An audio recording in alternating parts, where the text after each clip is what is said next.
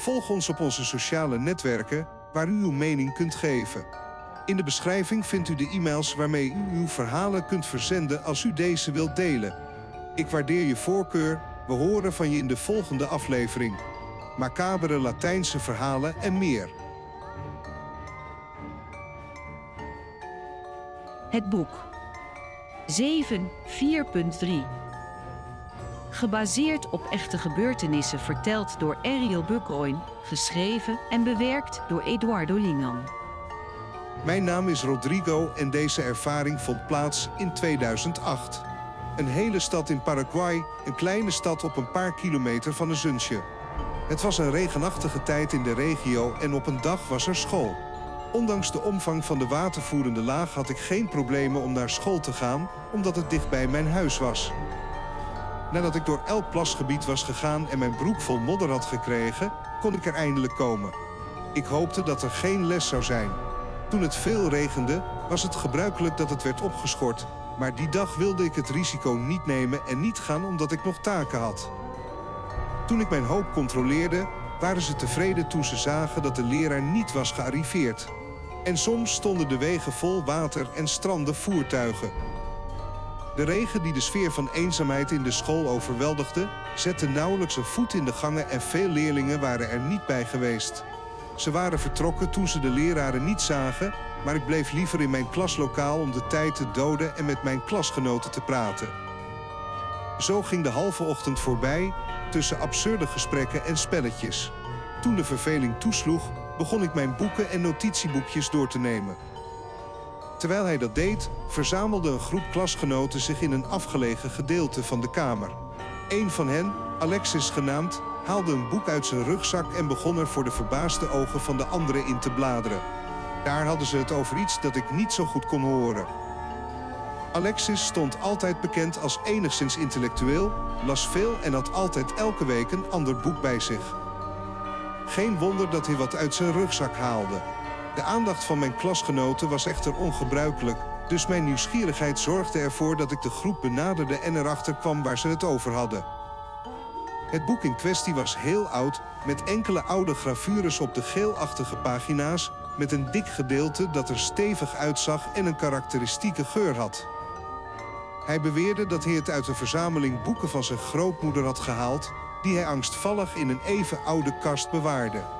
Het was heel vreemd en het lettertype was zwart en op de omslag zat alleen een rode markering, een symbool waarvan ik later ontdekte dat het verband hield met satanisme en duivelaanbidding.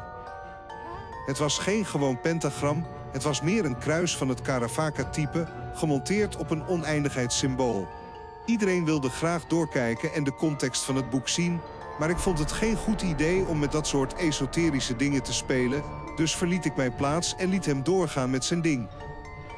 Alexis begon zonder aarzeling de eerste paragraaf van het boek hardop voor te lezen, zodat de anderen aandachtig konden luisteren. Ik kreeg er al koude rillingen van als ik er naar luisterde. Ik probeerde naar buiten te gaan, maar de regen werd steeds erger, dus het was onmogelijk. Komen. Degenen die deze geschriften lezen, zullen vervloekt worden en kennis vergaren. Het was min of meer wat de eerste paragraaf van dat boek zei. Zo ging Alexis door met het lezen van nog meer absurde dingen die verre van prettig waren, maar spraken over afwijkende situaties en tovenarij die ik me niet wil herinneren. Toen het eindelijk tijd was om te vertrekken, trokken we ons allemaal terug in ons huis. Het was erg laat en de regen was gestopt. Maar ondanks dat het heel vroeg was, was het donker. Ik ging onmiddellijk naar huis en was een beetje benieuwd naar het lezen van dat boek. Die middag sloot ik mezelf op in mijn kamer om wat televisie te kijken en te wachten tot het tijd was om in slaap te vallen. Het was erg heet vanwege de regen en de snuit deed me hevig zweten, dus zette ik de ventilator aan en sliep met de ramen open. Het was vroeg in de ochtend toen ik abrupt wakker werd uit een vreemde droom. Ik voelde ongemak in mijn benen en het jeukte erg als ik opstond en het licht aandeed. Ik zag met bezorgdheid dat het voeteneind van mijn bed werd binnengevallen door kleine rode mieren die vervolgens in mijn voeten en benen beten. Er was zo'n hoeveelheid dat ik opstond om de insectendodende uitwerpselen van me af te schudden. De hitte was ondraaglijk, dus ging ik naar de badkamer om te plassen en te douchen. Terwijl ik mijn haar droogde met de handdoek merkte ik iets waardoor mijn bloed koud werd. Ik herkende nauwelijks dat er iets achter mijn raam zat. Mijn kamer bevond zich op de tweede verdieping en het was onmogelijk dat iemand daar naar mij keek. Vanaf het eerste balkon van bloed in mijn hoofd kwam een elektrische stroom die me deed huiveren en een paar seconden statisch bleef. Toen mijn geest probeerde te begrijpen waar het over ging. Het was een zwarte bult die geen vorm leek te hebben. Maar toen mijn ogen gewend raakten aan het gebrek aan licht, kon ik zien dat het zwart in werkelijkheid een soort mantel was en dat wat erin zat iets was dat niet gezien kon worden. Het was gewoon een oneindige zwartheid. Mijn eerste impuls was om weg te rennen en daar weg te komen, maar mijn benen reageerden niet. En het ergste is dat de bliksem begon te flitsen en er een storm ontstond die de lucht brak met veel regen en onweer. Die flitsen bevestigden alleen maar de aanwezigheid van dat duistere wezen dat verleid leek door wat hij deed. In zekere zin, toen de bliksem dichtbij insloeg, schudde het het hele huis met het geluid. Het deed mijn lichaam bewegen, de vloer uitstoten om me onder het bed te brengen en dat wezen niet te zien. Na nog een bliksemflits die mijn hele kamer verlichtte, mengde het bloed zich opnieuw toen ik zag dat de aanwezigheid van dat donkere wezen in de kamer was. Het was chaos en mijn geest stond op het punt ineen te storten toen ik iets zag dat mij bekend voorkwam. Het was het zwarte boek dat hij balanceerde en in de kadaverhand van dit wezen droeg.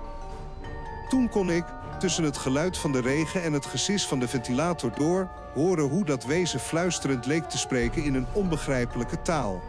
Maar na een tijdje wist ik dat het niet één taal was, maar vele stemmen die iets leken te zeggen dat ik niet verstond. Toen nog een bliksemflits en deze keer ging het licht uit zonder ventilator, waardoor ik in totale duisternis achterbleef. Ik weet niet op welk moment het donkere wezen verdween uit de angst die hij voelde. Het duurde lang, totdat de slaap mij uiteindelijk overviel en ik onder het bed in slaap viel. Bij het aanbreken van de dag werd ik wakker door het boze geschreeuw van mijn moeder dat me vertelde dat ik te laat was op school. En zelfs met angst moest ik me klaarmaken om te gaan en niets tegen haar zeggen, zodat ze me niet zou uitschelden. De wandeling naar school leek lang en de dag was nog steeds koud en koud. Bij aankomst merkte ik dat Alexis en de andere collega's van de vorige bijeenkomst heftig over iets aan het discussiëren waren. Mijn nieuwsgierigheid zorgde ervoor dat ik dichterbij kwam en luisterde naar wat ze zeiden. Iedereen was het eens over wat ze die avond zagen. Dat donkere wezen met de zwarte mantel, het boek in zijn hand en de gebeden. Het was niet veel, maar wat ik wel weet is dat we op de een of andere manier in feite allemaal vervloekt waren door het lezen van dat boek en de wijsheid dat er onbegrijpelijke en angstaanjagende dingen zijn die wij kunnen de dimensie niet doorgronden. Het boek. Gebaseerd op echte gebeurtenissen verteld door Ariel Forgay, geschreven en aangepast door Eduardo Lingan. Als je meer verhalen van dezelfde auteur wilt weten, nodig ik je uit om ons te volgen. We zullen elkaar horen in de volgende verhalen. Les 1.3 9.7.4 Verhaal gebaseerd op echte gebeurtenissen, verteld door Maria Zarate. Geschreven en aangepast door Eduardo Linan. Ik kan me niet herinneren wanneer ik voor het eerst iets hoorde dat verband hield met paranormale verschijnselen, maar sinds ik me kan herinneren ben ik altijd omringd geweest door verhalen over bovennatuurlijke dingen. De eerste die mij verhalen vertelde. Het was mijn grootmoeder van moederskant. Ze is geboren en getogen in de Venezolaanse vlakte en bracht bijna haar hele leven door op het platteland en in landelijke gebieden, waar ze getuige was van vreemde dingen en die in elk verhaal als slechte dingen definieerde of dat het kwaad op verschillende niveaus bestond. Ik wist nooit waar ze het over had en pas enige tijd later ontdekte ik dat mijn grootmoeder de transmutatie en het beheersen van de elementen beheerste, hoewel niet voor heel duidelijke doeleinden. Maar toen ik opgroeide, leerde ik dat ze een heks van hoog niveau was, wier hoge niveau niet van generatie op generatie zal worden geërfd door de vrouwen van de familie. Mijn eigen moeder vertelde me dat ze vaak getuige was geweest van de transmutaties van haar grootmoeder in verschillende vormen, of van de overheersing die ze hadden over de dieren op het platteland om zich te herscheppen en mensen te kwellen. Dit uiteraard altijd op aanvraag. Mijn moeder ontdekte haar capaciteiten toen ze in de puberteit kwam. Daar merkte hij dat hij een hoog waarnemingsvermogen had en dingen zag en hoorde, dingen die andere mensen niet konden. Hij ontdekte ook dat de eindeloze beelden die in zijn hoofd brandden van tijd tot tijd herinneringen waren die er plotseling waren en te maken hadden met onbekende mensen of situaties die nog niet hadden plaatsgevonden. Na verloop van tijd leerde hij dat dit vermogen helderziendheid werd genoemd. Toen hij 14 werd en zijn capaciteiten had geaccepteerd, besloot hij ermee te experimenteren en te kijken welke mogelijkheden ze hadden. Dus op de een of andere manier raakte hij verslaafd aan een heel gebruikelijke praktijk, zoals kaartlezen en de toekomst voorspellen. Omdat hij geen les hoefde te krijgen, kocht hij een goedkoop boekje waarin ze de betekenis van de kaarten uitlegden en hoe ze gelezen moesten worden. Naarmate de dagen verstreken, leerden ze de betekenissen kennen en werd ze een expert in het gooien van kaarten en interpreteerde ze zo dat de eerste die de toekomst raadde haar vrienden van school en mijn ooms waren. Wat was begonnen als een spel, begon een serieuze ondertoon te krijgen en nog meer toen mijn grootvader zich bewust werd van de obsessie en praktijken van mijn moeder. Mensen begonnen haar te zoeken om hun brieven te lezen. Hij keurde haar situatie te alle tijden af omdat mijn moeder zich voortdurend aan haar brieven en boekje vastklampte. Ze had geen normaal leven en was altijd ondergedompeld in zorgen over de toekomst van mensen. Grootvader schold mijn moeder voortdurend uit omdat ze dat deed en waarschuwde haar dat als ze zo doorging, er iets ergs met haar zou gebeuren of dat ze haar in ieder geval zouden wegjagen.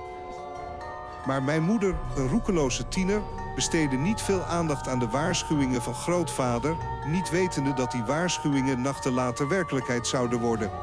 Op een nacht, nadat hij brieven naar een aantal mensen had gestuurd, ging hij slapen en op een bepaald tijdstip in de ochtend werd hij wakker. Na wat nachtmerries te hebben gehad. Hij ademde diep en angstig, zonder te weten waarom. De kamer was donker en het enige wat hij kon zien was zijn zus, die aan de ene kant vredig lag te slapen. Het was niet ongebruikelijk dat hij s'nachts plotseling wakker werd, maar vannacht was het nogal ongebruikelijk geweest. Ze stond op en zocht haar sandalen om naar de badkamer te gaan. Nog steeds slaperig en donker sleepte ze met haar voeten, maar plotseling werd ze versteend. Ik had nog nooit zoiets gezien als wat er op de slaapkamerdeur stond. Hoewel ik de hele tijd aanwezigheid zag die er gewoon waren, meer niet, straalde deze zo'n negatieve energie uit dat mijn moeder hevig begon te zweten en haar hart zo hevig begon te kloppen dat het bijna uit haar borst sprong. Haar geblokkeerde geest probeerde erachter te komen wat ze zag en het was vreselijk voor haar. In het midden van de deur stond een donkere, vrouwelijke aanwezigheid in zwarte kleding waarvan de kleur het licht niet reflecteerde waar haar gezicht zou moeten zijn. En ze droeg een zwarte sluier die haar aanwezigheid nog verontrustender maakte. Het gevoel van kou dat mijn moeder begon te voelen naarmate de tijd verstreek voor die aanwezigheid en dat het volgens haar leek alsof de werkelijkheid bevroren was, haar zintuigen waren in volledige shock en vochten tegen de paniek die ze voelde. Hij deed zijn best om zijn ogen stijf dicht te doen om dat niet te zien, maar ze openen is verschrikkelijk. De aanwezigheid was nog steeds in de kamer, het was onbewegelijk en in eerste instantie leek het alsof het geen armen of benen had, maar de zwarte mantel die het droeg was uit één stuk en sleepte naar de vloer. Op de een of andere manier probeerde mijn moeder moed te vatten en herinnerde ze zich een advies van haar grootmoeder. Ze vertelde hem ooit dat als hij een verschijning zag, hij hem zou vragen wat hij wilde. Dat deed hij en met trillende stem en bijna fluisterend vroeg hij: Wat wil je? Na een paar minuten werd de doodse stilte verbroken door een vrouwenstem die uit de zwarte sluier kwam. Het was enigszins zoet en fluwelig, maar de toon was bijtend. Wat wil je? Mijn moeder voelde een absolute angst toen ze die vraag hoorde, en nog meer omdat die verdomde duistere aanwezigheid haar van binnen antwoord had gegeven. Hij begreep wat de vraag betekende en deed niets anders dan weer in bed vallen en zichzelf van top tot teen bedekken met het laken, niet in staat om te slapen. Het voelde alsof het wegging, het laken bleef een beetje liggen. Ze zou die aanwezigheid heel dicht bij haar vinden. Zo bleef het enkele uren totdat de eerste zonnestralen door de stof filterden. Daar kon hij zien dat alles volkomen kalm leek te zijn. Mijn tante was gestopt om te ontbijten en na een tijdje sprong ze uit bed pakte haar tarot en boekje en verbrandde ze met elegantie. Ver weg van de ogen van mijn familie en met behoorlijk wat stilte. Vervolgens vroeg hij God om vergeving en zwoer dat hij deze praktijken nooit meer zou doen en dat hij zou proberen zijn zwakheden onder controle te houden tot het punt waarop hij zou verdwijnen. Hoewel dit niet helemaal waar kon zijn. Sinds die tijd leefde hij behoedzaam en nam hij het Venezolaanse gezegde zeer serieus. Ik geloof niet in heksen, maar ze vliegen, ze vliegen.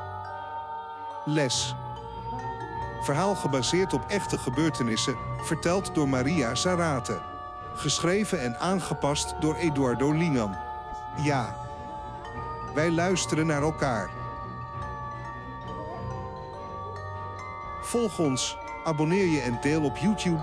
Dit helpt mij verder met dit project. Geef je mening. In de beschrijving vind je de e-mails om je verhalen te versturen voor het geval je ze graag wilt delen. Ik waardeer uw voorkeur. Tot de volgende aflevering. Macabere Latijnse verhalen en meer.